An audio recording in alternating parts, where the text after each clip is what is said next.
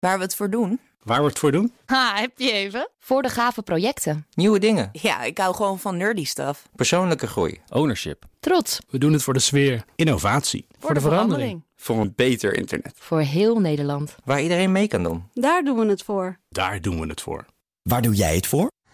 Kom werken voor KPN en groei op jouw manier. Check de actuele vacatures op het gebied van data, security, development en networking op jobs.kpn.com/tech. Wetenschap vandaag. Europa zet groot in op het meten van CO2-uitstoot via de ruimte. Maar voordat de instrumenten die daarvoor nodig zijn mee kunnen op een satelliet, moet die eerst wat dichter bij de aarde getest worden. En dat gebeurt morgen. Carlijn Meinders, goedemiddag. Hi Roos. Wat gaat er morgen gebeuren? Als aanvulling op de wat grotere Europese CO2-ruimtemissies ontwikkelt een samenwerking van tien organisaties, waaronder Esson, een netwerk van kleinere satellieten dat uiteindelijk het Space Carbon Observatory moet worden. En daarvoor hebben ze samen met onder andere TNO, Universiteit Leiden, Airbus een instrument ontwikkeld genaamd SPEX. Dat kijkt naar fijnstof in de atmosfeer. En hoe ziet dat instrument die deeltjes dan? Hij ziet ze doordat ze uh, voor weerkaatsing van zonlicht zorgen. En dat kunnen ze weer meten, vertelt Martijn Smit van Esron. En daarmee zijn we dan in staat om, om te zeggen hoeveel fijnstof er in de lucht is. Maar ook een aantal eigenschappen van uh, zijn ze groot, zijn ze klein, uh, is het bijvoorbeeld uh, zeezout of is het misschien heel fijn zwarte roet bijvoorbeeld. Dit klinkt een beetje bekend Carlijn. Dat klopt. Uh, we hebben het niet lang geleden gehad over het jongere broertje van Spex, Spex One. Oh ja. Die wordt uh, klaargestoomd om in 2023 de ruimte in te gaan als onderdeel van een NASA-missie. Die kan uh, zo'n beetje hetzelfde als dit instrument, is nog wat gefine-tuned. Maar in dit geval gaat Spex om een andere reden mee. Dat is eigenlijk om dat andere type instrument, dat heet dus nanocarb, wat speciaal binnen deze studie is ontwikkeld om die te ondersteunen in de metingen. Want die meet CO2. En CO2, daar is heel veel van in de atmosfeer. Er komt ook steeds meer bij.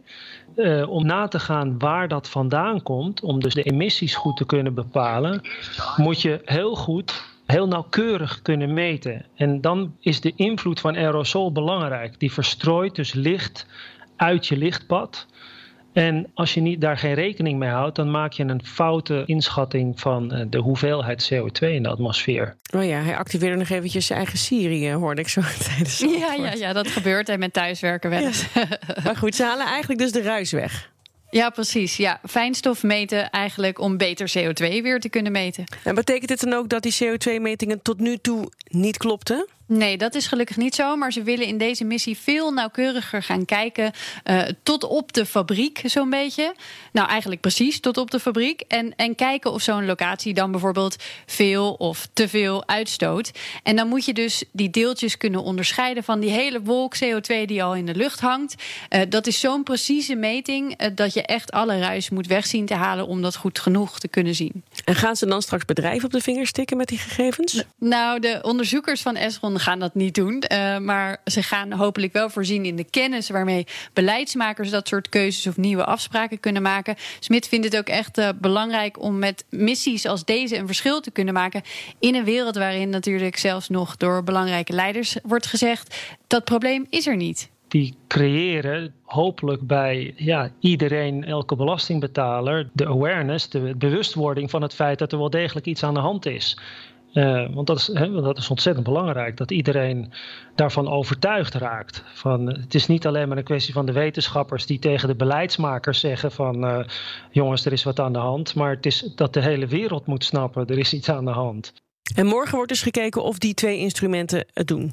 Ja, vandaag is een eerste vlucht gedaan met een Falcon 20 onderzoeksvliegtuig. Om te kijken of dat vliegtuig geen last heeft van de instrumenten aan boord. Morgen wordt voor het eerst echt gevlogen. En dan gaan ze kijken of de instrumenten het naar wens doen. Dan zullen ze gaan vliegen boven een aantal energiecentrales in Polen en Duitsland. die bekend staan om hun hoge CO2-uitstoot. Carlijn, dankjewel.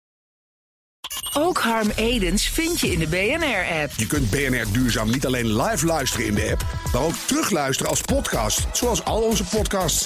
En naast dat de BNR-app Breaking News meldt, houden we je ook op de hoogte van het laatste zakelijke nieuws. Download nu de gratis BNR-app en blijf scherp.